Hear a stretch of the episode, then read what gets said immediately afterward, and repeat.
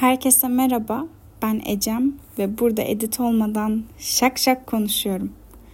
Bu sefer bölüm konusu kendini kucağıma attı. Öyle olmamasını dilerdim. Bu konu hakkında diyecek bir şeyim olmasını isterdim. Ama hayat maalesef bana tam da böyle konularda bolca deneyim sunuyor. Bugünkü konumuz potansiyeli harcamak, gerçekleştirememek. Potansiyelim daha birinci sınıfta kırmızı kurdeleyi ilk alan öğrenci olmamla göklere çıkarıldı. Herkes benimle inanılmaz gurur duyuyordu. Kitap okumayı seven, sorular soran bir çocuk olmamın yanında şimdi sorduğum sorulardan bir şeyler öğrendiğime ikna oldu ailem. Yalnızca ailemde değil. Ben de zeki olduğumu hafiften düşünmeye başladım. Öğretmen olmaya karar verdim. Öğretecek çok şeyim vardı. Sonuçta kırmızı kurdeleyi almıştım. Tüm öğrendiklerimi anlatma görevini üstlendim ben de. İkinci sınıftaysa okulun tek burslu öğrencisiydim. Bunun bir sebebi cidden fakir olmamızdı. Geziye gidebilmem mümkün değildi öğretmenim ödemezse. Babam öleli birkaç ay olmuştu ve annemin işi yoktu. Minibüse verecek paramız bile yoktu. Ben bundan haberdar değildim tabii ki benim tek gördüğüm soruları doğru cevapladığım, inanılmaz popüler olduğum ve çok sevildiğim anlar, günler yaşıyor olmamdı. Nereden öğrendim bilmiyorum ama avukat olmaya karar verdim. Büyük ihtimalle bilmiş bilmiş konuştuğum için biri söylemişti avukat olabileceğimi. Ben de ikna olmuştum. Okul başkanlığı, dans grubumuz, altın çocuktum. 9 yaşında altın çocuk olmak şimdi çok önemsiz geliyor olabilir hepimize. Ama 9 yaşındaki Ecem için ne demek olduğunu anlatmaya kelimeler yetmez. Darüşşafaka sınavı vakti geldiğinde sınava girmek istemedim. Okula zaten gitmek istemiyordum. Bu en büyük sebepti ama bunun yanında küçük göldeki büyük balık olduğumu biliyordum. Türkiye'nin dört bir yanından insanlar sınava girecekti. Birinci olmayacağım bir yarışa girmek istemiyordum. Çünkü bu yarışı kaybedersem kazandığım küçük zaferlerin bir değeri kalmayacağını biliyordum. Bu noktada bir amaca ihtiyacım vardı. İlk ona girersem Samsung E250 alacaklarını söylemeleri motorumu ateşledi. Sınavda çoğu soruyu salladım ama yaratıcılık kısmına geçince okulun benden ne istediğini anladım. Ben de aklıma ilk geleni asla çizmemeye, yazmamaya karar verdim. Bakın cidden zekiydim. İş görüşmelerinde şimdi tekrar ona benzer sorular soruyorlar ve ne kadar hızlı çözdüğüme inanamazsınız. Ama bu günlük hayatta da omuzlarda taşınacağım anlamına gelmiyormuş. Bilmiyordum. Darüşşafaka'da asla sınıf birincisi olmadım. Matematikte hep zorlandım. Liseye geçtiğimizde fen dersleri ve matematikten atılmak üzereydim. Darüşşafaka'da istenen ortalamayı tutturamadığınızda sizinle yollar ayrılıyor. Her gece okuldan ne kadar nefret ettiğimi düşünür, her sabah büyük bir hırsla ders çalışmaya devam ederdim. Çünkü kaybetmek istemedim. Okuldan atıldığım anda okulu kazanmamın hiçbir değeri kalmayacaktı. Projeler, yazı yarışmaları, iyi olduğum şeylerde ne kadar iyi olduğumu hatırlatan her şeye dört elle sarıldım. Üniversitede ise hiç çalışmadım. Gerek yoktu. İnanılmaz kolaydı bölümüm. Herkes de farkındaydı. Bu yüzden okulda aldığım o yüzler potansiyelim hakkında hiçbir şey söylemiyordu. Ben de kitap yayınladım.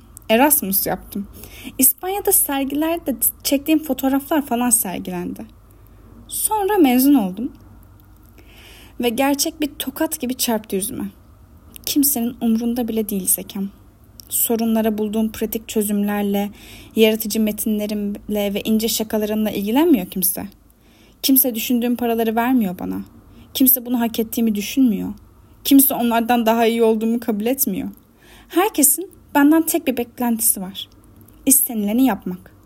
Bunu yaparken de patronumu alkışlamak, onun benden doğru şeyler istemesi sayesinde doğru işi çıkardığımı söylemek. Sistemdeki hatalar hakkında konuşmamak. Maaşımın anneminkiyle aynı olmasını kabul etmek, asgari çalışmadığım halde, hafta sonları, geceleri, gündüzleri çalıştığım halde asgari şekilde ödüllendirilmek ve bununla alakalı da hiçbir şey söylememek. Çok çalışıp çok gezemeyeceğimi, çok çalışıp çok eğlenemeyeceğimi kabul etmek. Çünkü ne kadar zeki olursam olayım, potansiyelimi yalnızca onların izin verdiği ölçüde gerçekleştireceğimi anlamak, kabullenmek. Yetişkin olmak buymuş. Neden istemedim büyümek anlıyorum. Zeki olduğum için istememişim. Görmüşüm potansiyelimi her yaş aldığımda önceki yaşta bırakacağımı. Hayal kırıklığına kendini hazırlamak yetmiyormuş.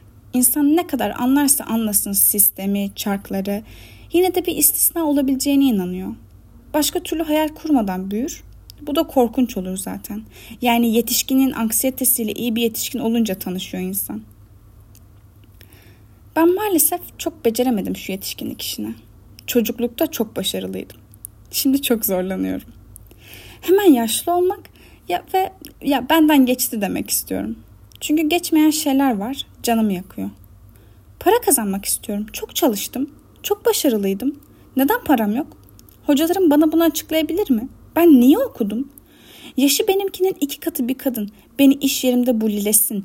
Kişisel alana saygı duyulmayan bir sektörde var olmak için gece mesaisinde bir odada psikoloğumla online görüşme yapayım diye mi? Hocam anlattıklarınız günlük hayatta işime yaramıyor. Ben şimdi ne yapacağım? Bilmiyorum hiç başınıza geldi mi? Ama evdeki bir beyaz eşya bozulunca diğerlerine haber verir. Hep beraber bozulurlar. Hayatta da böyledir. İşte başlayan sorunlar eve, evden sevgilinize, sevgilinizden annenize sıçrar. Kendinizi doğum gününüzde ağlarken bulursunuz. Yalnız ağlarken. Ya da ben birinin ahını almışım belli. Çünkü annem e, ölürken iyi ve güzel günlerimizin eşit olacağını söylemişti. Yani tartıda ikisi eşit çıkacakmış. Öyle bir hale geldik ki hayatımın geri kalanında sadece 3 gün falan ağlayabilirim. Fark çok açıldı yani. Kime ne kötülük ettim bilmiyorum ki aslında iyi biriyimdir. Ama madem ah alınca işe yarıyor. Hepinize geçmiş olsun beyefendiler, hanımefendiler. Yetim ahı aldınız. Üç vakte kadar Kur'an yırtmış kıza benzeyebilirsiniz. Sözlerimi yine bir şarkıyla bitireceğim. Bazen ben 10 saat konuşuyorum ve bu kadın dediklerimin daha fazlasını 3 dakikaya sığdırıyor. This is me trying şarkısında ise şunu söylüyor. En parlak topuklulara sahiptim. Şimdi pas tutuyorlar. Bana tüm kafeslerin zihnimde olduğunu söylediler. Öyle ki ben de tüm potansiyelim gibi harap oldum. Potansiyelinize ve kendinize ama en çok da patronlarınıza ve ev sahibinize iyi bakın. Hoşçakalın.